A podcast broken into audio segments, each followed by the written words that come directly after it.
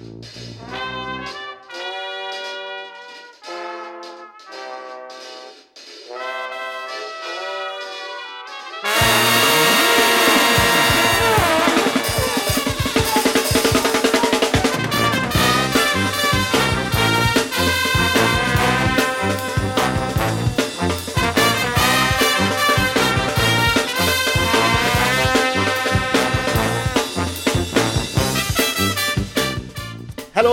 croeso i benod 36 o Ysbeidiau Heilog gyda fi, Llywyd Owen. A fi, Lee Jones, lle byddwn ni'n rhoi sylw i'r pethau bach sy'n gwneud gwahaniaeth mawr i ni yn ystod y cyfnod hollol honco hwn.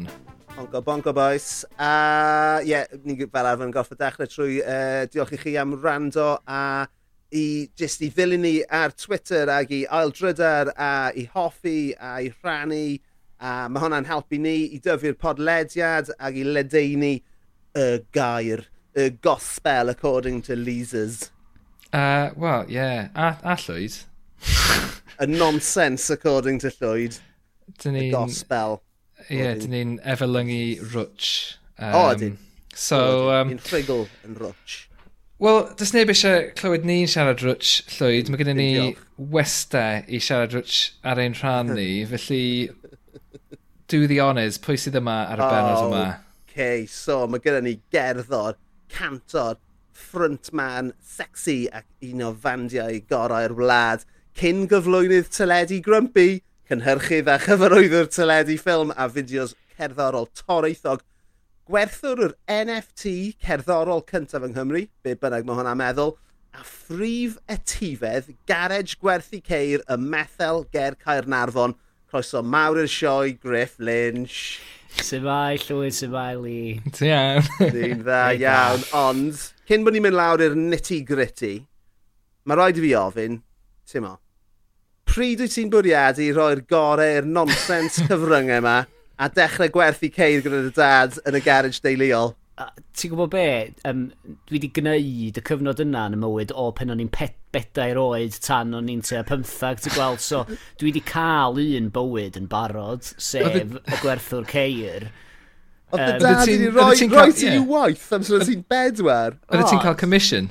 O, dim o gwbl, um, ond to, un peth nes i ddysgu'r cyfnod yna ydy... Um, to, cymaint a dwi yn caru'n had, dwi ddim yn meddwl bys o'n syniad da i ni fod yn gweithio fo'n gilydd, achos cwbl oedd yn digwydd oedd pawb yn gweiddi, um, pawb yn gweiddi ar ei gilydd, a ti'n bod, doedd genna i ddim wir diddordeb mewn ceir chwaith. A fel dwi'n dweud, dwi'n teimlo bod fi wedi cael y cyfnod yna allan o'r system. Pedair, pimp, chwech oed. So beth ti'n really gweud yw bod, um, bod ti'n hapus i casu, gymryd yr awennau, Da, ar ôl, ar ôl fod yn fardd plant am flwyddyn falle yn ddeol o'r nonsens cyfryngau yma. Be dwi wir yn dweud llwyd ydy, dwi'n meddwl bod gennau ddigon o waith yn yngwaed i fod eisiau gwneud fashion beth. So dwi'n meddwl bod mae'n haws gennau pransio yn y gwmpas a smalio gwneud gwaith yn y cyfryngau. Ie, yeah, yfed lot o goffi. Yeah. A dim, yeah, dim gorfod gwerthu dim byd. Oce, okay, a cyn, just un peth arall, fi wedi clywed um, fi wedi sgwyd stori absolutely amazing am dy dad. Right? So, fi ddim eisiau mynd yn rhy fixated ar dy dad. Fi'n gorff, fi gorff yn rhannu hwn okay. gyda ti. Um, o ti'n gwybod bod dy dad wedi cael ei prancio gan y brodyr Gregory? Um, ti wedi cael dy ffeithio'n rong yn barod, llwyd. Ond, um, dim, dim fi. Yeah. Dim rhywun arall sydd wedi gweithio fi. Dim y brodyr Gregory oedd o. Ti'n cofio be oedd na cyn y brodyr Gregory? O, galw bloody Gary! Galw Gary Owen. Ie, Gary Owen Gary Williams. Gary Williams. Galw Gary Williams. Na chdi. Na. So, um, oedd o'n ffantastig. Dwi wedi gweld o cwpl o weithiau. So, be nath nhw wneud oedd nath nhw yrru pobl um, uh, smalio bod nhw'n bobl busnes o Japan, dwi'n meddwl, neu China. Yeah. A oedd dad newydd ddechrau busnes gwerthu ceir ar y pryd a mi nath nhw yrru y bobl na, yna, a wedyn oedd dad yn gorfod rhyw fath o siarad efo nhw, ac nhw'n dweud bod nhw'n mynd i brynu'r garej oedd i ar ei ddilo fo. So oedd dad mewn fatha dau, dau ddyddylfryd, ydw i, to, ydw i'n cymryd y pres gwirion ma, mae'r bobl ffug ma, apparently, ond to, yn cynnig i fi, neu ydw i'n cario mlaen efo'r freuddwyd o ddechrau'r busnes, gath ei roi mewn fatha rhyw le bach awkward, a yeah. oedd o'n gorau neud fatha rituals um, siapaneeg o'i blaen yna nhw, a beth mae o'n hilarious. Ti'n awgrymu bod gyda fe copi VHS o hwn gartre? Wel, mi oedd na, sicr, nes i weld o pen o'n i'n llai, ond diw a wir. Oedd o, dan y faint o budget oedd na gen Ysbydrec ar y pryd, byd, de, yn adra am flynyddoedd, dwi'n meddwl bod ni wedi golli fo bellach, oedd na bensair wedi gwneud cynllun o be oedden nhw'n mynd i wneud i'r garej, so ri, uh, effernol o fanwl yn dangos yn nhw sut, sut oedden nhw'n mynd i draws newid y garej yma, ac oedd hwnna genno ni di fframio am spel, ond mae'n dad i goffi fod yn Mae'n mor rwy'n, so wnaethon nhw ddod, o be fi di clywed, wnaethon nhw ddod â cynnig 3 miliwn pent iddo fe. Do. Do, dad i'n like, fucking right. a wedyn, ar yr eiliad olaf, yeah. Gary fucking Williams so, yn neidio allan. Mae'n ma, ma, ma wrong, really, dydy. Ydy, mae'n greulon. Really greulon. Ond ie, uh, yeah, dyna, dyna ddigon am um, dy dad. Ti gael um, dad ar y podcast bydd? Oh man, so hwnna'n amazing. Yeah. Ond, ti'n mo, beth sy'n sy neud ti'n happy, hapus Gary? Um, cars. cars a gweiddi ar griff. Ond, um, yeah. Does, so... neb, does neb eisiau gwybod am um, hoff gans dy dad i griff, ond mae pobl eisiau gwybod beth yw dy hoff gans di, felly beth yw e? Wel, so dydw i ddim yn gawsiwr anferthol nag yn, yn sydd yn gwybod i Fi wedi gweld y gerddoriaeth di na, no, just definitely um, Ond pen, yeah, pen ydych chi sôn am y cwestiwn yma, un, un ofnadwy o neis nes i gael yn ddiweddar o, dwi'n meddwl, mae ma tŷ caws yn eido, sef caws Gloucester, ond wedi um, i... Mae'n ma, ma llawn tryffl So Gloucester oh. Truffle. A oedd hwnna yn lefel arall o gaws, mae rai fi ddweud. Eto, nath nes i roed o wedi meddalu dros y fyrgyr a nes i drio bod math o bethau fo, o, fendigedig. Ys ganddo fe'r truffles ynddo fe, fel chunkiau truffles neu fel truffle oil? Neu... Na, mae o'n chunks, mae o'n, yndi, mae o'n fatha di, yn stribynna trwyddo mm. fo i mm. gyd lle, so weithiau ti'n gallu cael darn really cry ohono fo, mm. tro arall, ti'n ddim yn cael gymaint ohono fo. Power 3, dyna? Dwi'n oh, cofio rhyw chwech, saith bint neu rhywbeth fel la. Um, gweld yma'n farchnad nes i. A, bo, fel dwi'n deud, ydw i'n bita lot o gaws, ond oedd hwnna'n o hwnna'n fendigedig. Oh, hwnna'n swnio'n yn swnio'n hyb. Bys ti'n bwyta hwnna? Lee, mae Lee, dwi'n Lee ddim yn hoffi caws o gobl, Griff. Na gweit. Dwi'n mynd hoffi madar chwaith, so... Ond, ond, na, i fod na, dwi'n hoffi, hoffi blas truffles, dwi'n hoffi, chymod, olew truffle yeah. a'r chips, mae hwnna'n dda. Ti'n hoffi caws anyway, neu just... Na, dwi, na, na, nid o gwbl. Oh. Heb eithriad, na. Oh, Ie, hwnna dwi'n... Siarad am truffles, tro diwetha i fi wneud truffles, oedd rhoi psychedelic yn Amsterdam. Oh, um, oh Oedd hwnna'n hwyl, tan, tan bod nhw'n cico mewn. yeah. Honestly, y tro diwetha i fi wneud psychedelics, oedd hwn ti a... Uh, probably 10, 11 mlynedd yn ôl a sa byth wedi bod mor uchel yn fy mywyd a fi a tip o ffrindiau yn, yn, yn absolutely hedfan yn dod lan off y truffles really cryf yma. A like mynd oh boys we gotta get out of this. Yeah. allan o'r bar a mynd allan to stumble o mas pawb yn absolutely fucked.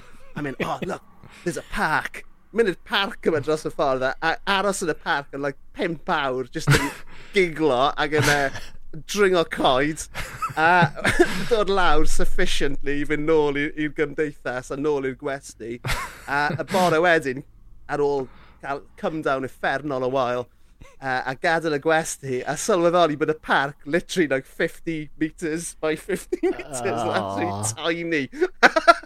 A noson cynt o'n i ar goll yn yma Dydy um, y truffles na ddim yn bethau iach i ddyn, dda llwyd. Mae hynna'n, to, mae gen ti mushrooms, oce, okay, ond mae'r ma, truffles na'n wenwynig, dydy. Ond nhw'n genuinely yr hau gore, y peder awr gore, unwaith bod chi wedi dod dros yr, e, y, y, y, y, y, sioc. y, y, sioc, y peder awr o, o chwerthin, ond wedyn, oedd y cymdown, o'n i'n rhy hen, o'n i'n be?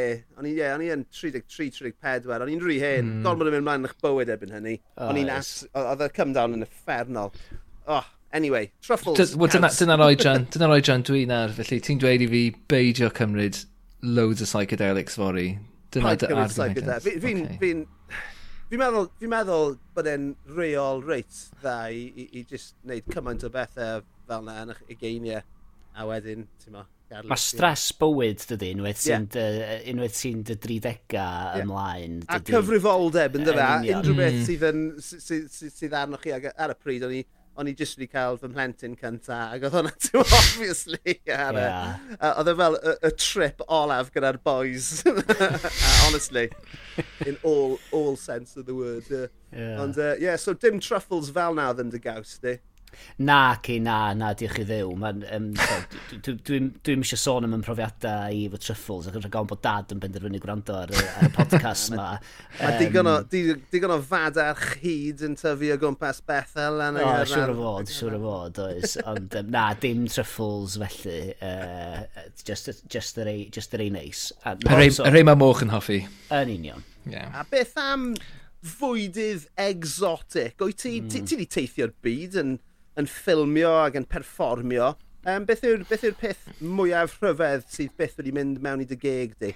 Wff, o'n i'n meddwl am hyn, diwrnod y blaen, dyd y gwir. Uh, Ti'n Tybo, mae ma Japan yn un amlwg, dydy, maen ma nhw'n bita pethau sydd yn, sydd yn uh, rhyfedd iawn i ni yn fanno.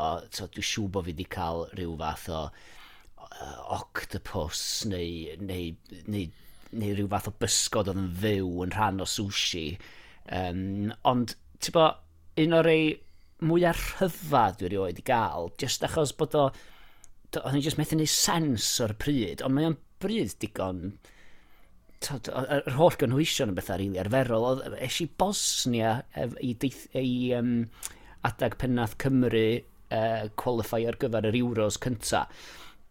A oedd gen nhw rhyw fath o um, bryd cenedlaethol o'r enw Bosnaski Lonac. A be ydi o de, ydi stiw neu lopsgows, cawl de, ond mae'r bowlan wedi cael ei wneud allan o dorth o fara. So ti just yn, ti just yn bita y lopsgows ma mewn powlan o fara, ond so, ti'n bita'r bowlan hefyd mewn ffordd. Yeah. Ac o'n i just dda, Na, mae hwnna'n syniad gwych. Yndi. Is i briodas ar gyrion Llynden, wel, 5-6 mlynedd yn ôl nawr, a dyna, um, a, gyda'r nos, yn y parti, ti'n fawr yn y nos, chi wedi bod yn trwy dydd, yn y nos, nath fan troi lan, a dyna beth o'n nhw'n gweini, oedd cawl mewn, mewn torth y fara. Ie. Yeah. Super, syniad really da. Ynddi. Ti wedi bod ar y sesh hefyd? Yeah. Ie. Oh, yeah. Then, yeah. Ta, achos ti'n eisiau stopio bita efo'r pryd i hun, ti eisiau dal i fyw, fynd yeah. a bita'r bowlan, dys? Yeah. Mm. Na, oedd e, e'n grit, bod e'n ateb ffantastig. A cyn bod ni'n symud mlaen hmm. wrth bethau yn ymwneud gyda bwyd, mae hwn yn, um, yn gwestiwn newydd ni'n hoffi gofyn i jyst i, jyst i weithio allan pa mor ganol ddosbarth neu, uh, neu tu hwnt yw ein gwestai. So, faint o cheese graters sydd ti'n berchen ar Griff Lynch? Mae genna i uh, y clasur, ti'n bod, y pyramid na, yeah. mae gen ti cwbl o steils gwahanol bob ochr iddo fo. Yeah, yeah. Um, mae hwnna'n cyfri fel un, no? Mae hwnna'n cyfri hwnna fel okay. un. Oce, okay. mae genna i un bach arall, un, ti'n bod fatha sa ti'n gafel yn efo, rhyw handheld bach, fatha sa ti'n bron iawn yn gwneud y wynaf efo fo. Yeah, yeah. Um, a dyna ni, dim ond y ddau yna sy'n genna i. Oce, okay, yeah. mae hwnna'n ma dderbyniol. Ydy, ma hwnna'n iawn. Dy ti, nes i ddim... Y, y, y, be, be y, beth ti eisiau um, osgoi bob tro yw ddim i gael chwech fel Richard Ellis. um, Timo. Ond wedyn mae ma fe yn byw yn King Coed yn uh, uh, uh, yng Nghaerdydd. So, Dwi just ddim yn dall pam sa tisio mwy na, wel, mwy na un wir, ond yeah. pam, pam sa ti sicr eisiau mwy na dau? Just, just status yw e, fi'n meddwl. Ie, yeah, oce. Okay. Yeah, it's just showing off. Yeah. Gwneud allan o air neu rhywbeth. Ie. Hey boss. Hey boss. Ni'n sicr yn dechrau'r rumour yna, anyway. So mm. ie, yeah, mae un o'n nhw definitely wedi cael ei wneud allan o air. Ie. Gyda, nath y brynu hwnna gyda'r paycheck i stenders gynta. Oh, yeah. Hwnna be nath e y neud. Yeah. Oh, brilliant, brilliant. Right, uh, e, so, um, ni yn gofyn un gwesteion um, gyflwyno dau beth sydd yn gwneud nhw yn hapus i ni. Um, ac i rannu hynny gyda yn gwrandawyr ar byd. So, Griff, beth yw'r peth cyntaf sydd yn neud ti'n hapus ar hyn o bryd? Dwi'n meddwl...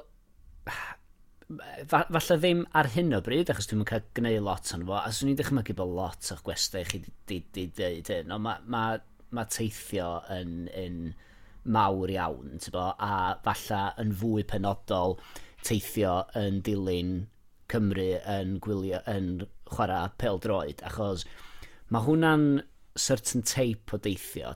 Mae ma, ma gen ti'n amlwg mynd dramor i brofi diwylliant ac i brofi, yeah. brofi rhyw fath o tybo, ysbrydoliaeth neu, neu gweithio. Mae hwnna'n un peth, ond pen ti'n mynd i, i dy tybo, Estonia neu dy Slovacia neu dy Slovenia a'r, ar gwledydd um, dwyrain Ewrop. Mae gwledydd sy'n ti an, anebygol iawn o fynd iddyn nhw heblaw bod yna bo na reswm fel Game Paul Droid i fynd iddo fo. Maen nhw'n ma nhw ffantastig o brofiad. Mae o'n rhywbeth nhw'n neud ers tu a... Oh, Ella bron iawn i ddeg blynedd, bellach. Wyt ti'n cofio um, dy dro cyntaf di? Wel, yr eiron i ydy, dwi'n dwi sal iawn am gofio beth sy'n digwydd ar y tripiau yma, felly mae'r ma, holl tripiau dwi wedi bod anyn nhw yn blendio fewn i un, yn aml iawn pen da ni'n mynd, mynd ar y tripiau ac yn, ac yn trio to ail, um, uh, ail godi straeon o hen dripiau. Dwi'n dwi meddwl bod rhywbeth i digwydd yn Prag, ond to, nath o ddim, nath o ddigwydd yn Sweden. Ond mae hynny'n um, gwneud synwyr achos ti'n mynd gyda chymod, lot o'r un bobl i'r un llefydd. Dych chi'n gwisgo'r un dillad bob tro dych chi'n mynd. Chymod, felly mae'r ma, atgofion gyd yn mor debyg i'w gilydd. A chi yn yfed lagers really cwrs pan yeah. Ti yn llygad y le yn fanna, dyd y gwir. Um, Ella un, un chafbwynt dwi yn gofio oedd athon ni i uh, ddinas o'r enw Arws yn Denmark lle oedd Cymru chwarae yn erbyn Denmark yn amlwg yn yr Nations League, te tair, mm. bedair mlynedd yn ôl.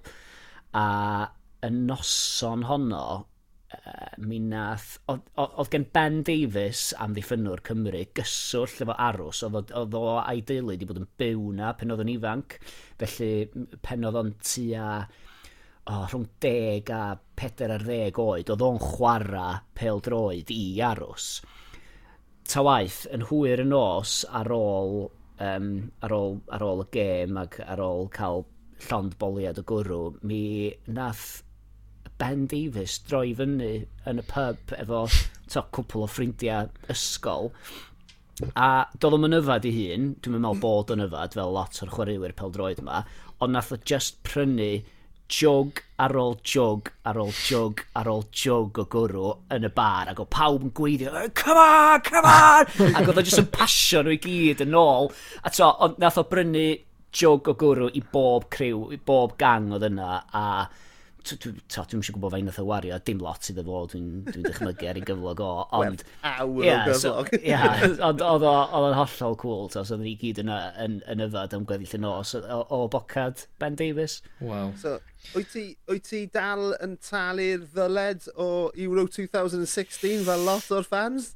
Ah, Uh, na, dwi'n mynd meddwl, mi nath hwnna ddod ar gyfnod da iawn i fi, dyd y gwir, o'n i newydd orffan cwpl o jobsys nath dalu ac o gennau fus, fus off, a um, eisi, eisi fewn iddo fo, to, o, na, oedd o'n hollol iawn. Dwi'n dwi meddwl bod fi'n talu y ddyled um, gorfforol, dal i fod, ond so, di hynny'n mynd... Mae ma gen, ti, ma bywyd cyn y Euros a yeah. bywyd ers y Euros. Ie, yeah, sicr oes. Wyt ti'n gorfod wneud rhyw fath o mo, baratoadau cyn mynd fel mo, yfed mwy yn yr wythnos yn arwen yeah. lan y trip neu rhywbeth fel yna? Wel, ti'n gwybod be, mi eisi ar um, y, y, daith uh, chydig wsnosan ôl eisi Prag i wylio neu'n chwarae yn erbyn uh, Czech Republic. A do'n i, dwi, dwi ddim yn neud paratoada, dwi'n dwi 33 ac yn gymharol iach, so dos, dos dim angen to, gormod o prep time. Ond ti'n gwybod be, o'n i heb wneud trip pel droed ers dwy flynydd cyn hwn, a tua yeah, diwrnod a hanner i fewn, o'n i'n meddwl falle bod fi'n mynd i cholli hi, nath o rhywbeth, nath e o rhyw e glitch yn y Matrix ddigwyd, nath o mren i stop y gweithio, nes i bron iawn ac a breakdown, dwi'n meddwl, jyst achos gymaint o, to, gymaint o atmosphere, gymaint mm. o alcohol, mae o gyd, mae o, to, mae o yn lot i gymryd fewn i dy system. Intoxicating ar lot o lefelau. Ydy. Ac, um, yeah, o'n i eisiau hefyd gofyn i ti, achos ti'n gweud bod y dy atgofion di yn fath o rhedeg yn gweud i mewn i'w gilydd. Mm. Ond wyt ti actually'n cofio'r gemau? Yn do. Um, ti'n gwybod beth sy'n odd efo pen ti'n mynd i lot o'r gemau yma a wedyn ti'n mynd adra, ti'n gwylio y replays yn ôl. So, er enghraifft efo'r Euros rwan, mae yn mae yng nghof i o'r gols di cael ei gyflyru, achos am, am y flwyddyn gyntaf, mi o'n i'n cant y cant yn cofio lle ni'n ista yn gwylio to, Chris Gynter yn sgorio yr header na. Ond bellach, dwi wedi gwylio y replay cymaint o weithiau, dwi wedi gwylio bob gêm yn ôl. Dwi'm yn cofio lle o'n i'n y stadiwm, achos yr mm. gof o'r gêm sy'n gennau ydy y replays, achos mm. ti'n jyst yn gwylio nhw trwy'r adag. So gennau hanner co, ond um, mae hynna'n ma hynna od, achos bod ti'n mynd yn ôl i wylio nhw ac yn blaen. Falle tyswn ni ddim yn gwylio dim un o'r gemau na eto, bod gen ti ddim ffôn lle ti'n gallu constantly watchad ag atgoffa dyn o beth sydd wedi digwydd. Mae'n ddiddorol beth ti wedi gweud fyna am y ffaith bod chi'n cofio yr footage ar y teledu. Mae ma nhw'n gweud bod hwnna'n wir hefyd am atgofion ni o plentyndod. Yeah. A um, mae ma, ma gyda ni gyd, o, oh, oh, fi'n cofio'r peth cyntaf, y peth cyntaf fi'n cofio, ond Ond on bit, yn aml beth ni'n cofio yw ffotograffau ni wedi gweld, neu mm. gyda'n gyda plant ni nawr, bydd na fideo footage ohonyn nhw, sa'n gwybod siwt oedd hi yn eich, yn eich tai chi'n tyfu, ond oedd sicr, ond sicr ddim video cameras yn TV. ond, um, on, ond ie, yeah, mae hwnna, mae hwnna, mae'r ma, ma, ma footage pêl droed yn da achos di, neu'r ffotograffau yma o'n plentyndod ni yn hmm. disodlu mm. yn atgofion go iawn ni. Yn de, yn yeah. Ac wrth gwrs, os ti'n ychwyd, os ti'n arllwys alcohol ar ben hynny hefyd. Wel, yn union da. Yeah. Yn union. So, faint fa so, yeah. o ddyddiau? I mean, ti, ti, ti a Lee, ti ar un oedran fan hyn, fi, fi ti a deg mlynedd yn hun na chi. Faint o sawl diwrnod sydd angen anoch chi, boys, i, i, i ddod dros sesiwn cachu pants? Wel, mae'r ma, ma fi wedi cynnyddu um, eitha dipyn yn y flwyddyn dwytha yma. Ti'n bod, swn i'n gallu gwneud swn i'n gallu gwneud sesh dda a bod yn o reit erbyn... Swn i'n gallu gwneud sesh dda ar ddisadwn a bod yn o reit erbyn dy llun te dwy flynedd yn ôl. Dwi ddim yn iawn dy llun bellach. Mae'n ma, ma, ma, ma bita fewn ni mawrth i. A pff, bosib dim mercher hefyd, dwi wedi gwir. Roeso eich canol oed, boes. Rhaid o'n teulu. O'n i o'n i byth yn cael hangovers tan tu a pum mlynedd yn ôl. Like, o'n i, ac o'n i wirioneddol yn gallu yfed llwyth mixio diodydd, cael pob dim a just cysgu'n ffain a wedyn deffro bore wedyn yn holl o ffain. A'r peth, y peth gweitha, o'n i'n smug am y peth hefyd. O'n yeah. i'n mor smug. Chi'n i gweld hynny, heno. Yeah. yeah. ond, ond nawr, mae fe fel, ti'n bod, oh my god, roll the dice. Dwi'n gallu mynd allan, cael tri peint a unau dwi'n mynd i fod yn hollol ffain neu dwi'n mynd i fod yn absolutely ruined y bore mm. wedyn. A, a just dim, just dim, just dim tir yn y canol. Una, mae pob dim yn ffain, neu mae pob dim yn absolutely warthus.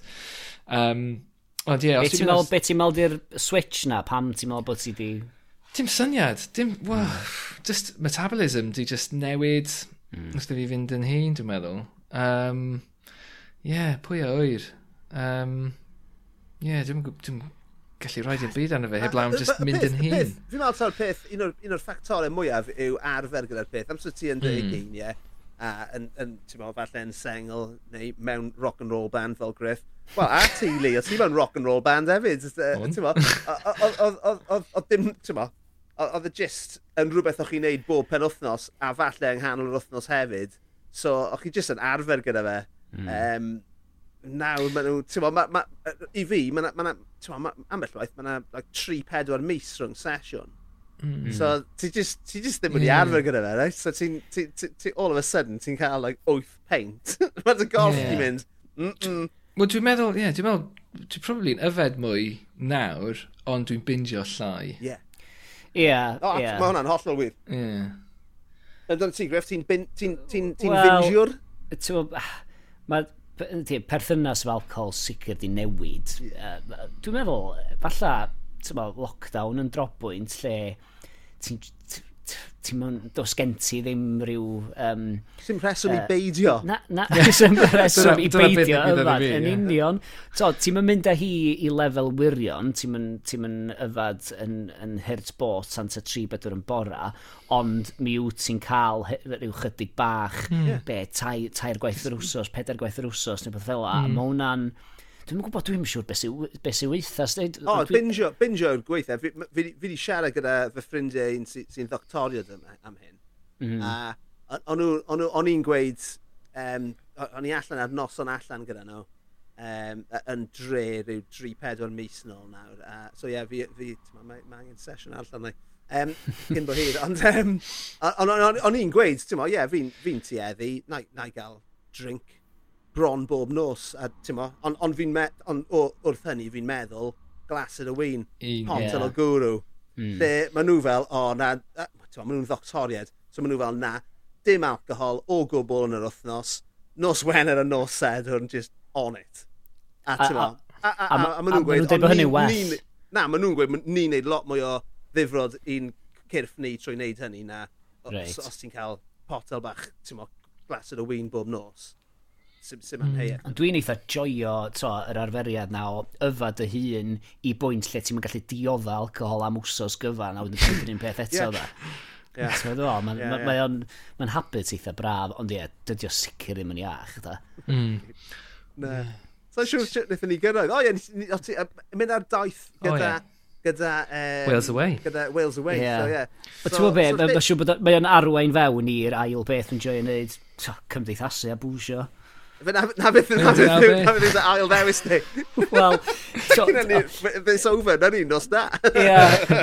Wel, o'n i'n meddwl, i fod yn onest efo chdi, o'n i'n meddwl, mae'r ma trip trips Wales away yn cyfuno gymaint, mae'n cyfuno'r mae'n cyfuno'r cymdeithasu, mae'n cyfuno'r bwsio, mae'n cyfuno'r teithio. Felly, dwi'n meddwl bod fi wedi rhoi mwy na dau i chi fanna, dwi'n meddwl bod fi wedi rhoi cyfuniad. Na, na. A to, mae'n bach o ddiwylliant pob yna hyn, hefyd, pen ti'n... Ond... O, ie, well, oce, okay, oce, okay, hang on, then, rewind am eiliau te. So, ti jyst wedi bod i, i Brag, mm. i wylio'r game, so, beth oedd y pethau diwylliannol nes di uh, ymrhag a nathon ni cramio rhyw ddwy awr i fewn cyn y flight yn ôl. Um, Athon ni at yn rhyw Lennon Wall, lle oedd yna llwyth o um, graffitis heddwch, uh, di gyd i cael ei um, uh, ganoli a gwmpas llun o John Lennon. Uh, Dwi'n yn cofio bod enw'r bont, bellach. Mi Charles cofio, Bridge. Charles Bridge, nathon ni dros honno. Um, a wedyn, a wedyn nôl y ffordd arall. nôl y ffordd arall. um, so, o, nath, nath ffrind i fi brynu er, um, un o'r bwydydd um, traddodiadol sydd fatha slaban o ham di cael ei sticio mewn cyllall ac yn rowlio ar yr, ar y plat o dy flaen di. Um, ond ie, yeah, ti'n bod, oedd na ddim Wel, ysdi'r cloc, so just ddim yn bell. O, Dawn eich di, do. O Charles Bridge. Mae Wensleisia Square, sy'n ie. Yeah. Mae'r mae glo... ma cloc fel cwcw cloc mwyaf, wel, anhygoel fi wedi byth wedi gweld. Ti di beth wedi bod i brag, Lee? Na ddo. Na, na ddo. Mae'r cloc yna yn werth i weld. I mean, o, mae'n anticlimatic. Mae'n anticlimatic, dydy, Llywyd. Mae'n fatha rhyw ddau. To, ddarn o gallu na, bach yn dod allan o'r cloc. Na, ddim yn anticlimactic o gwbl.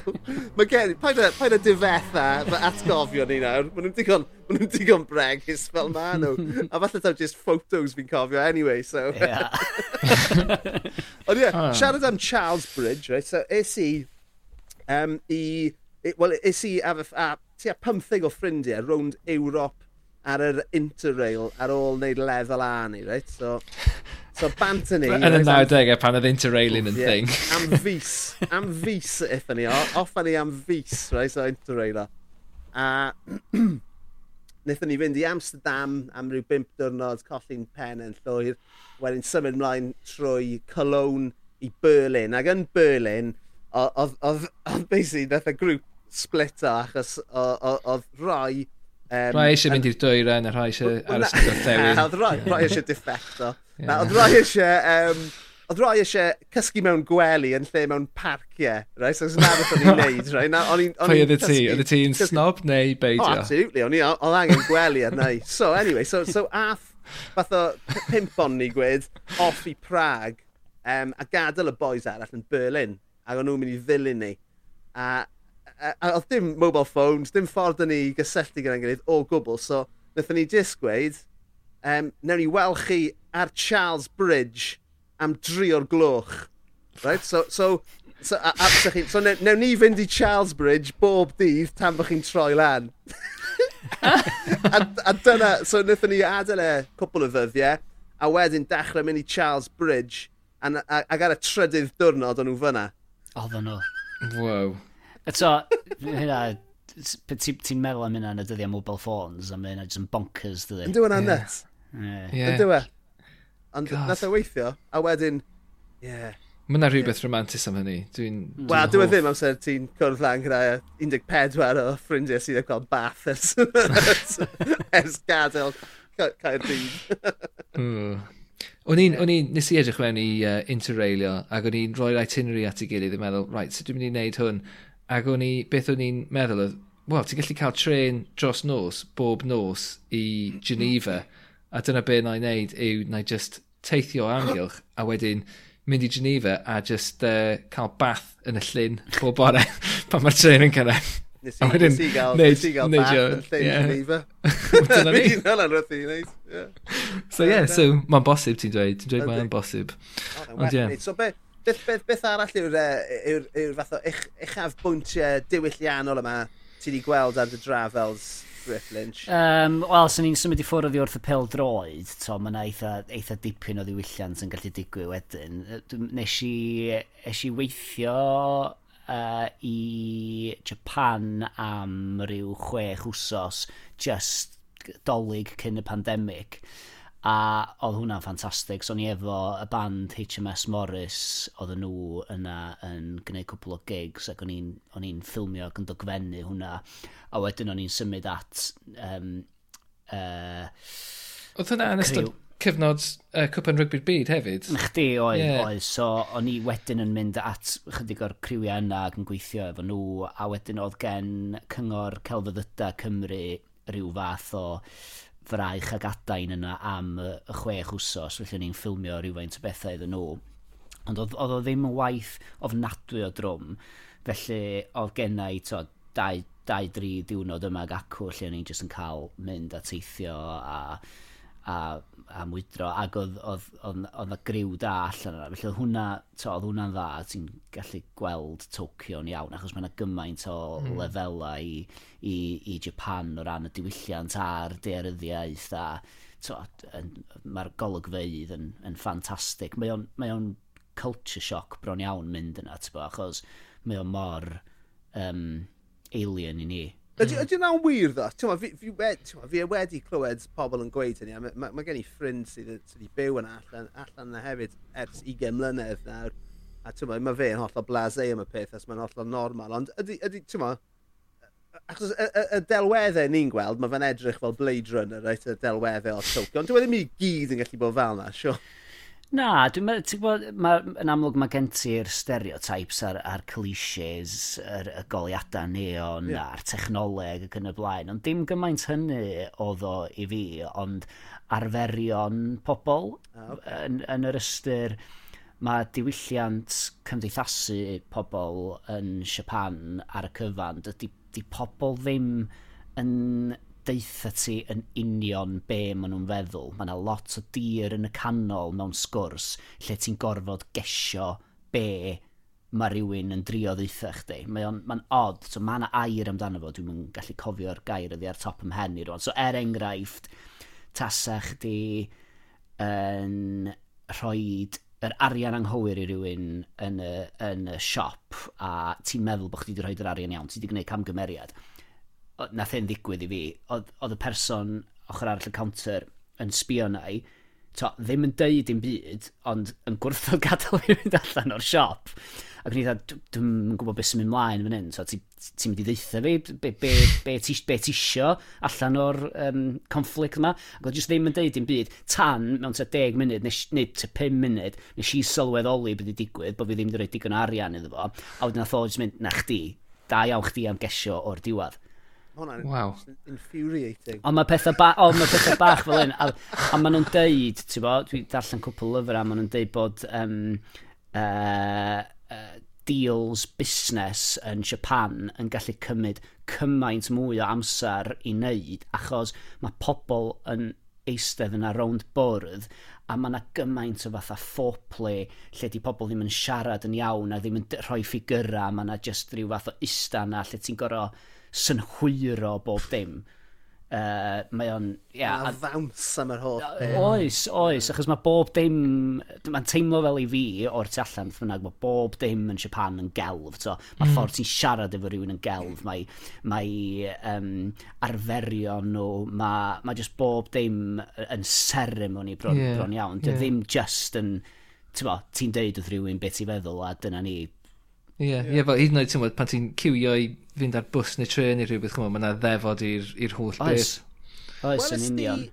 dylodi yn Japan. I mean, ag eto, falle, tymod, ddim chi yw'r bobl iawn i ofyn, ond, tymod, oes na dylodi ar, ar tymod, hyd yn oed ar yr un lefel sydd yn y wlad yma, os na ddigartrefedd, tymod, nes ti weld unrhyw beth fel yna? Wel, welis i rhywfaint ohono fo, do. Um, Maen nhw'n mae'n teimlo i fi fatha bod nhw'n llwyddo i guddio lot o hynna. Mae nhw'n ma nhw sicr yn, yn dda iawn am guddio sbwriel, dydy, neu di ddim gweld dim llanast yn nynlla'r strydoedd.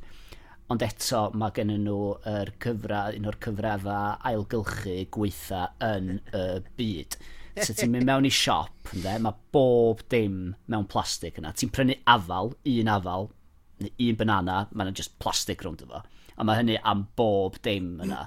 Ond eto, mae nhw'n llwyddo i... i Mae oh, ma okay. gan banana ei groen ei hun. Mae ganddo fe just, rapper naturiol. Yn bonkers, ond ie, yeah, yn fanna ti'n cael fatha just darn o cellophane neu plastig neu be bynnag rownd efo.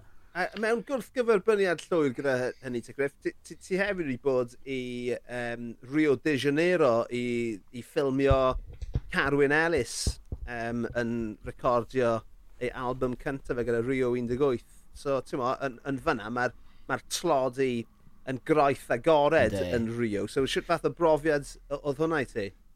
Ie, yeah, fel ti'n deud, mae hwnna'n lot yn fwy ti'n ti, ti gweld y tlodi a mae o'n mae o yna dydy ar ar y bryn o dy flaen di y ffafelas, mae o fedri di ddim o sgoio o gwbl.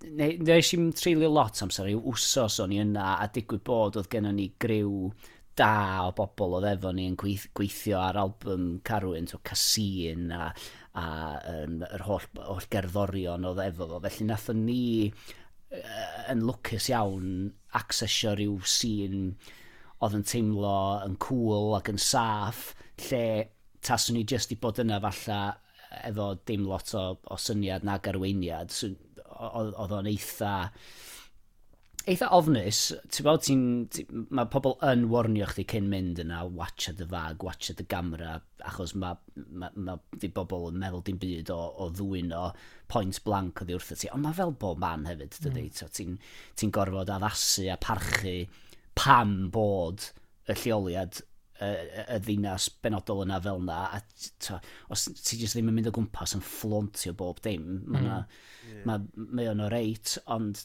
Ie, yeah, o, o, ran, o ran y tywydd, o mae'r ma, ma, lle yna'n ffantastig. Da chi wedi bod i... Ges di tan mas na, ges di liw hael ar dy groen porselin? Na, dim lot, na ddo. Ges i losgyn bach a, a dyna ni. Ges di gyfle i fynd lan i weld uh, y Cristo Redentor ar ben y mynydd?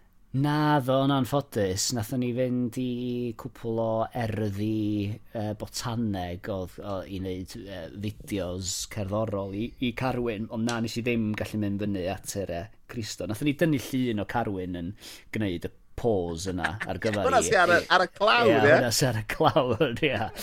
Um, felly, hwnna ddyn agosa, athyn ni at efo, yn anffodus. Ie, brilliant. O, na, clas. So, cymdeithasu Griff, yeah. dy ail ddewis di. Pwy sydd wedi bod yn yeah. cymdeithasu gyda? A gwy ti wedi bod yn cynnal uh, rheolau cadw pellter cymdeithasol? Do, do. Um, Ia, yeah, pam nes i ddewis hwnna wan do? Mae'n siŵr iawn, dwi gwirth eich di.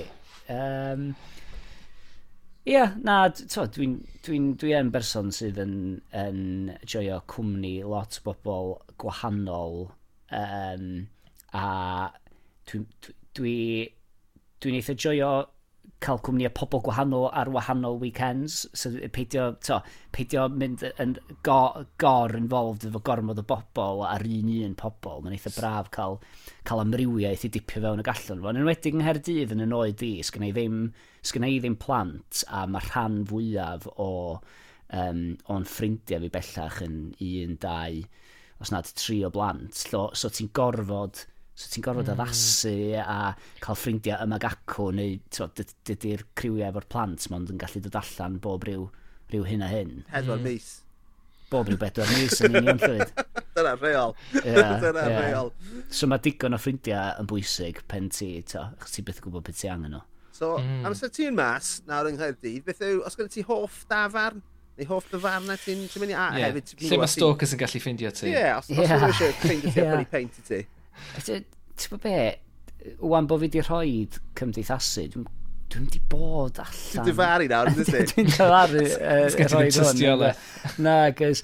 Um, na, lle, lle fyddai mynd, dwa, dim... Ah. Mae'n ma anodd ydy, achos mae'r ers, ers ail agor, dwi'n teimlo bod fi wedi cnesu nôl at, at fynd allan a, a dwi'n teimlo bod fi wedi ymgymryd â unrhyw local. Na eitha ti lle o'n i'n mynd um, drwy'r adag oherwydd oedd o reit o'n gornel i lle o'n i'n byw. Oedd nos da, a mae nos da i, hyd y gwn i wedi cael am, am for good, bellach. Oh, get it. Oedd hwnna'n fenyw gret, ynddo fe? Oedd o'n ffantastig. Y beth yn dda am y nos da oedd... Um, ti, ti, ti beth yn mynd yn rhy brysur, ti hefyd yn cael, nid yn unig, pobl eitha lleol yna, ond ti'n cael lot o, o, o deithwyr, yeah. a ti'n gallu mael y cachu efo nhw. Mae o, ac oedd o'n ganolog, a hefyd os oedd ti eisiau gwylio rygbi, oedd o'n le da i wylio rygbi neu, neu pel droed, achos yn aml iawn y bobl yn diflannu o os da ac yn mynd mewn i'r gêm gan adal mm. y lle yn, yn wag ar gyfer bod yna am, am beint. Nathon ni gyfarfod yna eitha dipyn dod. Do, do, amser o'n i'n... Uh yn, yn, yn, yn rhoi prosiect iaith yn efo ddys i gyd. Yeah. O'n i yn tueddu cwrdd yn dyfa. Yeah. Ganolog iawn i ti, nawr, nawr fi'n sylwi, gan bod ti'n ffordd nawr. Ond, wyt ti'n cofio, oedd na, oedd na clwb nos yn y basement yn nos da? Beth oedd enw hwnna? Um, tafod, dwi'n meddwl, ie? Na fe. Nath o'n paran, nath, oedd o fel o'n i'n symud i Gerdydd yeah. just dros ddeg mlynedd yn ôl, ac oedd o'n... O'n oedd o'n dwi'n siŵr oedd Griff Meredydd, MC Mabon yn trefnu dipyn o gigs yeah, yna. A nes i, a... i DJ o fyna, o leia yna unwaith. Ond fel ti'n gweud, mynd, ti'n mynd nôl blynedd y maith na. Oedd na un um, nam ar y, ar y lle, oedd na, ma na bolyn pilad reit yn canol uh, lle sydd reit o flaen y llwyfan. So os ti eisiau hmm. gwylio band, mae yna bolyn o flaen y band. A fe ddim wneud dim byd amdano fo, achos sa, sa ti'n tynnu'r yeah. building i gyd i lawr. sa ti'n tynnu'r yeah, bolyn hwnna. Anfodol o ran strwythyr y lle. Mm. Um, Ti'n a siarad am gigio fyna, Griff, ydyn ni'n mynd i weld ti ar lwyfan? Neu wyt ti'n bwriadu, ti'n meddwl, ti wedi recordio rhyddhau albums, uh, EPs a e senglau gyda'r odds, ti hefyd wedi'i wneud yna fel artist unigol hefyd. Um, beth, ti'n mos rhywbeth fel yna ar y gweith, yeah. ti? Neu ti'n yn ddeuol? Na, dwi yn potsian, dwi'n rhoi cwpl o gynnion at ei gilydd yma ag acw. Dim cyfanwaith mawr ar y gweill yn, yn fian. Dwi'n gwybod pam, dwi wedi gwirthio chdi. Dwi'n meddwl dros cyfnod Covid mae, ma gwaith o ran gwaith cyfarwyddo a ffilmio, mae wedi bod yn dod i fewn yn eitha cyson. Ia, ti'n achos... o'r bobl yma, um, fel fy ffrind, mae gen i ffrind yn gyffredin, May T. Cornell sy'n byw fan hyn. Mae'r ddau ohonoch chi yn, yn fatha one-man bands, reit? Chi'n gallu neud y, neud y sain, neud y, neud y camera, cyfarwyddo a'r cynhyrchu. So chi'n chi chi, packages reit gyflawn y cynhwysfawr. So, nath y gwaith ddim sychu ti, dros y Na, cyfnod clod o fe. Deud y gwirth chdi, nath, nath, o, nath y gwaith yn, yn fwy gwyllt, achos oedd oedd gen ti, neu ma gen ti lot o sefydliadau yng Nghymru sydd bellach, neu oedd ddim yn gallu cynnal i digwyddiad fel er enghraifft sesiwn fawr Dolgella hmm. neu ysteddol Genedlaethol neu Cwmni Theatra. Felly y peth amlyca iddyn nhw'n wneud oedd troi at dîm o bobl i ffilmio i digwyddiad nhw'n hytrach na cynnal i digwyddiad nhw. Felly oedd na lot o brosiectau difyr o'n i'n cael gwneud. Nes i wneud cwpl o brosiectau fo fran wen lle oedden ni'n dod â to dod â'i stwff llwyfan nhw at y, at y sgrin, steddwch genedlaethol, lot o waith efo nhw. Be Nes i'n amgueddfa, nes i'n neud rhywbeth cool ar fanna hefyd, do? Do, um, rhaglen ar nhw, The Voices, mm oedd, uh, sydd yn raglen i, i RTE a BBC, felly oedd ni'n eto digwyddiad byw o Yn Aberteifi oedd i fod. Nes ti fynd i hwnna, Li? Na ddo. Na, na dwi byth di bod, ond ie, yeah, mae'n rhywbeth sy'n ni caru mynd i. Ydy hwnna'n gael i wylio yn rhywle? Ydy hwnna'n BBC iPlayer? Ydy, ydy. Dwi'n meddwl bod ar YouTube falle. Dwi'n meddwl bod yna clipiau ar YouTube, mae'n siŵr. Oes. Ie. Very good. Hmm. Ond, so ia, yeah, yn ôl at y gwestiwn di, llwyd, yeah. um, mae'r cerddoriaeth yna yn, yn ffrwtian. Dwi jyst angen cyfnod tawelach mm. o, o weithio er mwyn gallu rhoi, um, rhoi rhywbeth i lawr. A hefyd, dwi'n... Dwi, ti'n gwybod hyn llwyd, dwi'n dwi ar dan i fod eisiau falla cyfarwyddo a rhywbeth sydd yn fwy cyflawn fel rhyw fath o ffilm a ffuglen A ma, ond yn aml er mwyn cyrraedd noda fel hyn, ti'n gorfod falle peidio cymryd gwaith a cymryd risg ar isda lawr yn gweithio ar dy brosiect dy hun am hynna un o fisoedd efo dim cyflog yeah. dwi fewn falle, ond efo rhyw fath o gynllun mwy mwy hir dymor, felly dyna'r math o bethau dwi'n dwi, dwi trio targedu nhw. A blwyddyn nesaf dwi'n dwi n, dwi, n, dwi tybio fyddai'n cael fwy amser i, i, i weithio ar brosiectau mwy agosach at ynghalon os lyci di. A, a, a beth am yr odds? Beth yw'r beth yw'r tebygrwydd um, bod, bod yr odds beth yn mynd i uh, gynhyrchu album arall, ti'n meddwl? Achos mae'n ma, ah. ma, ma, ma digon anodd reis i ti jyst cael yr amser i, i, i ti recordio'r bend y hunan, ond mae'n ma, ma meddwl cael pimp o'n chi mewn un ystafell yn yr un pryd am gyfnod hir o, o o amser yn, yn rhywbeth gwahanol eto, yn dweud? Yndi, dwi'n dwi teimlo er bod y prosiect nathon ni efo chdi iaith yn efoedd yn, yn be, dwy, dair blynedd oed bellach, e, yep. um, bron iawn. Ydy, Matt, dwi dal, iawn, mai.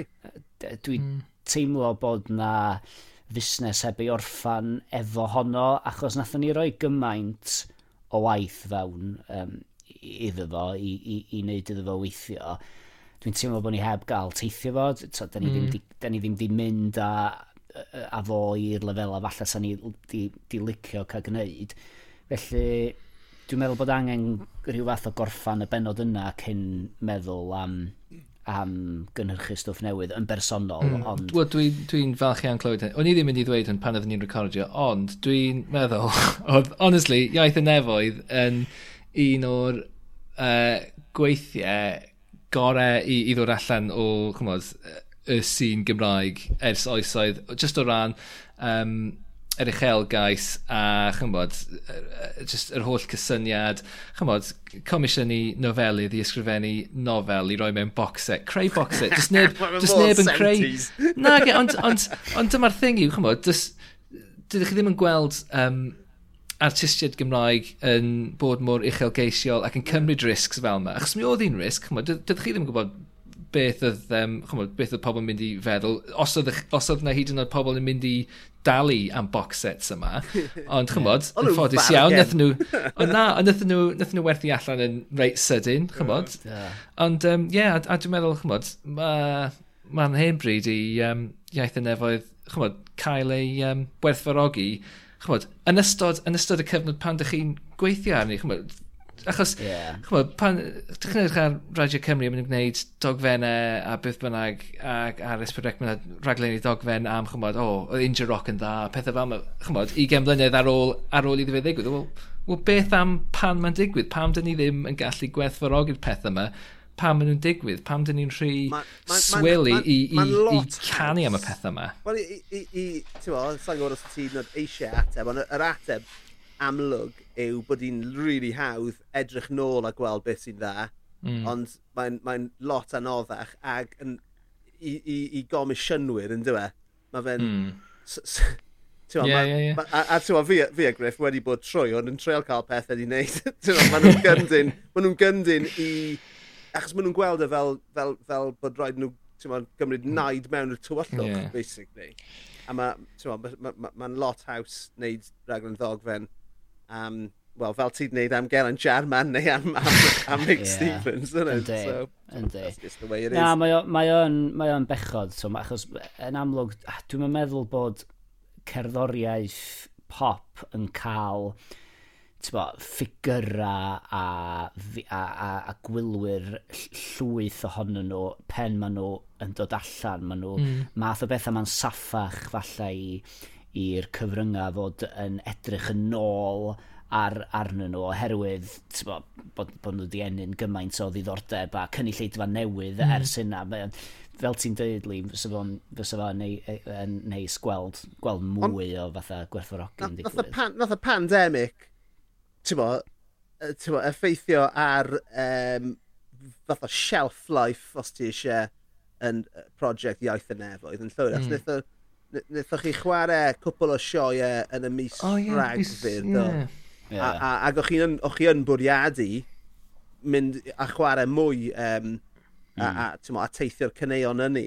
Hynny uh, mewn gwyliau yr Ysteddfod, er enghraifft, Tafoel, Green hmm. Man. Mm. Ond unwaith, nath y pandemic ddigwydd, nath hwnna jyst cael drws yn glep yn eich gwyneb, mm. do? Da, Do, do, yn llwyr. Felly, ie, yeah, mae'n ma anodd meddwl am fynd nôl fewn i greu record newydd rwan, achos nathon ni tawr y gymaint o waed mewn i hwnna. It's just that, wff, dwi'n dwi'n mynd teimlo yn, yn ofnadwy o greadigol yn y maes yna ar hyn o bryd. Mm. Ond falla, falla os da ni'n gallu gwneud bach mwy o gigs a gweld beth di'r be di'r galw am hynny i ddechrau cynt hynny llinell yeah. o dan hynny o bosib, ti'n bo? Yeah. I mean, hwnna yw, ti'n mo, y peth yn fy all catalog i, dwi, dwi mwyaf falch ohono, o, o ah. ti'n mo, peak coolness i fi. I don't know lle, lle oedd ei ti, ond uh, ti'n ti lot mwy cool na fi, ond uh, yeah. Peak coolness, that's it man, downhill o nawr. From now on. ond, um, yeah, fi'n meddwl gallwn ni uh, ddod y pethau i, i glof yna e, boes bach, so diolch. Ie, yeah, cyn, cyn i ni gyd dechrau llyfu tiniau'n gilydd. Ie, yeah. yeah. just fel... fel beth, beth yw'r beth yw'r neud yn yna sy'n bwyta cod? O'r Uber Ross. Neu yna, ie. Ie, gen i, ie. Un o'r reina o bell, o bell wrth gwrs. Um, ond ie, yeah, cyn, cyn, cyn bod ni'n bo ni gorffan, dda, gallai ofyn i chi, sy'n rwy'n di gwylio unrhyw um, ffilm dda newydd yn yr wythnosau dwytha, achos dwi angen, dwi eisiau gwylio ffilm yn yma cyn, cyn mynd i gysgu. Ie, yeah. yeah. be fi wedi gorfod wneud erbyn hyn, fi'n gorfod rhoi wneud nodyn o bob ffilm dwi'n gwylio, achos yeah, yeah, dwi ddim yn gallu cofio fuck all. a mae rhywun, am amser mae pobl yn gofyn, so ie, yeah, mae gen i argymelliadau. Dwi wedi cael cwpl o argymhellion da gen ti'n y gorffennol. Uh, Okay. Be oedd yr un na efo'r trolls yn, um, oh, yn bo Sweden? Border. Hwna, dal un o'r ffilms gara fi wedi gweld. Oh, mental. o'n, i, um, o'n i yma yn y tŷ cwpl o thnos yn ôl, jyst fi a'r um, rhieni yng Nghyfraith. A dyma'n hard yng Nghyfraith yn dweud, oh, gen i wylio ffilm ma, Zodiac. Oh, Mae'n yn, really dda, dwi'n cofio hwn. Dath i allan i ddeg mlynedd nôl. Fincher? Ie, uh, yeah, so dyma ni'n dechrau gwylio fe, wedyn chmod, mae'r llofrydd gyntaf yn digwydd, a mae'r ma, mam yng Nghyfraith yn dweud, oh, Paul, why is this, you know, this is too, this is too much, it's too much. a dyma fe'n dweud, oh, I don't remember this. No, this, it's, it's the only one, it's not like this all the way through it. A wedyn, dyma'r ail lofrydd yn digwydd, pan mae'n ma, ma lladd y ddau berson gyda'i gilydd, a wedyn dyma fe'n just yn mynd, all right, yeah, fine, gyrru wylio rhywbeth arall. Like, film, film am serial killer, ag oedd e'n trio dweud bod e ddim yn dreisgar. Mm, not sure about that. Yeah. Ond, uh, ond ie, yeah, ond Zodiac, mae'r ma, chwarter mm. ar gyntaf yn eitha da, Griff, os ti heb gweld hwnna. Oce, na i roi un ar, ar, ar gymhelliad i ti. Uh, yeah. and, and that's, that's all you're having wrth i fi heno. Um, okay. Fil, un o'r ffilms gorau, neu y ffilm gorau dwi wedi gweld yn y mis diwetha yw ffilm o'r enw Sorry to Bother You. A dwi ddim yn mynd i... O, oh, um, dwi wedi gweld hwnna. Dwi wedi? O na, yn y call centre, ie? Yeah. Ie, yeah. yeah, mae hwnna'n ffantastig, oh. Dwi wedi gweld, Eli. Dwi wedi gweld. Na, ddo. Mae e... Yn wych. So, ie, yeah, os oes unrhyw un allan yna sydd heb gweld uh, Sorry to Bother You, mae hwnna yn ffilm ffantastig. Na ddim gweud mwy, achos mae yna twist mor insane yn digwydd ynddo fe. So, i'n mynd i... So, i'n siarad hwnna e, unrhyw beth i ffwrdd. Um, yeah, I mean, fi, nes i weld Moonlight dyn nhw'n y blaen am y tro cynta, a mae Moonlight yn ffilm. Ti'n beth, dwi dal heb William Moonlight, oh. digwyr. So... Beth hynna? Efo Shea? be di ffilm Shea? Nath i wneud ffilm yn enw Moonlight, do? Ie, o beth, Di rhaid yn ddwy ffilm gwahanol? Dim Shea na. Yr un oedd ennill yr Oscar cwpl o blynedd yn ôl. Mae'n bob. Nath hi ennill Oscar? Do, ond nath nhw y tro... Pwy, Shea? Do. Do fe? Yeah. Am beth yma Moonlight? Ie, yeah, dwi'n meddwl, achos mae hwnna'n joke yn y Simpsons ydyw e, achos um, mae ma, ma joke o, o boi mae'n deffro o coma yn dweud, oh, does Sonny and Cher still have that show? A maen nhw'n dweud, um, oh, she won an Oscar and he's a congressman. A mae fe jyst yn marw ar y spot achos dwi'n methu diodd e'r sioc. OK, yeah, ond nath, nath Moonlight, y ffilm ddim, ddim ffilm Cher, nath hwnna ennill ar Oscar. Pan nath nhw, nath Warren Beatty agor yr amlen a gweud taw La La Land oedd oh, wedi ennill e. Yeah, Ond yeah, Moonlight yeah. oedd wedi ennill e. Ah, ie, yeah, ie. Yr absolute. So ie, yeah, dyna'r dyna um, dyna argymhellion gorau sydd gen i o, o fy ffilms diweddar i. Ond, ie. Um, yeah. Moonstruck, Moonstruck oedd she. Moonstruck! Cyn i bawb dechrau twitio ni. Oh. Nath i ah. ennill be Best Actress, 1987. Do fe? Ie. Yeah. Cyn, cyn oh. bod y plastic surgery yn neud yn amhosib iddi actual mynegu unrhyw fath o deimlad trwy ei gwyneb. Dwi ddim yn mynd i barnu unrhyw fenyw ar y ffordd maen nhw'n edrych llwyd, so rhaid dy gywilydd di. I mean, fi'n fi gwybod... Oh, Mae'n edrych yn gre.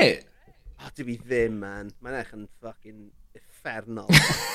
Ti di gweld, fi'n gwybod chi e'n gweld, a fi'n amain fawr bod chi wedi gweld Mamma Mia, Here We Go Again.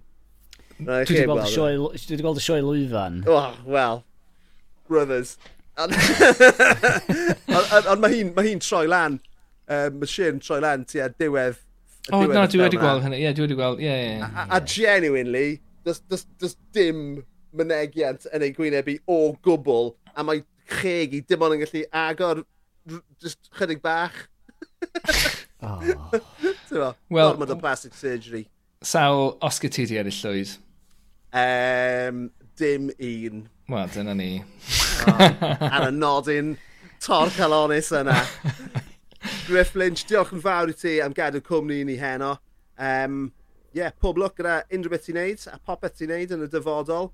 A cofia, oh, if all else fails, gartre i weithio yn garage dad. Na ni ta. Diolch yn fawr iawn i'r ddau na chi. Diolch Griff.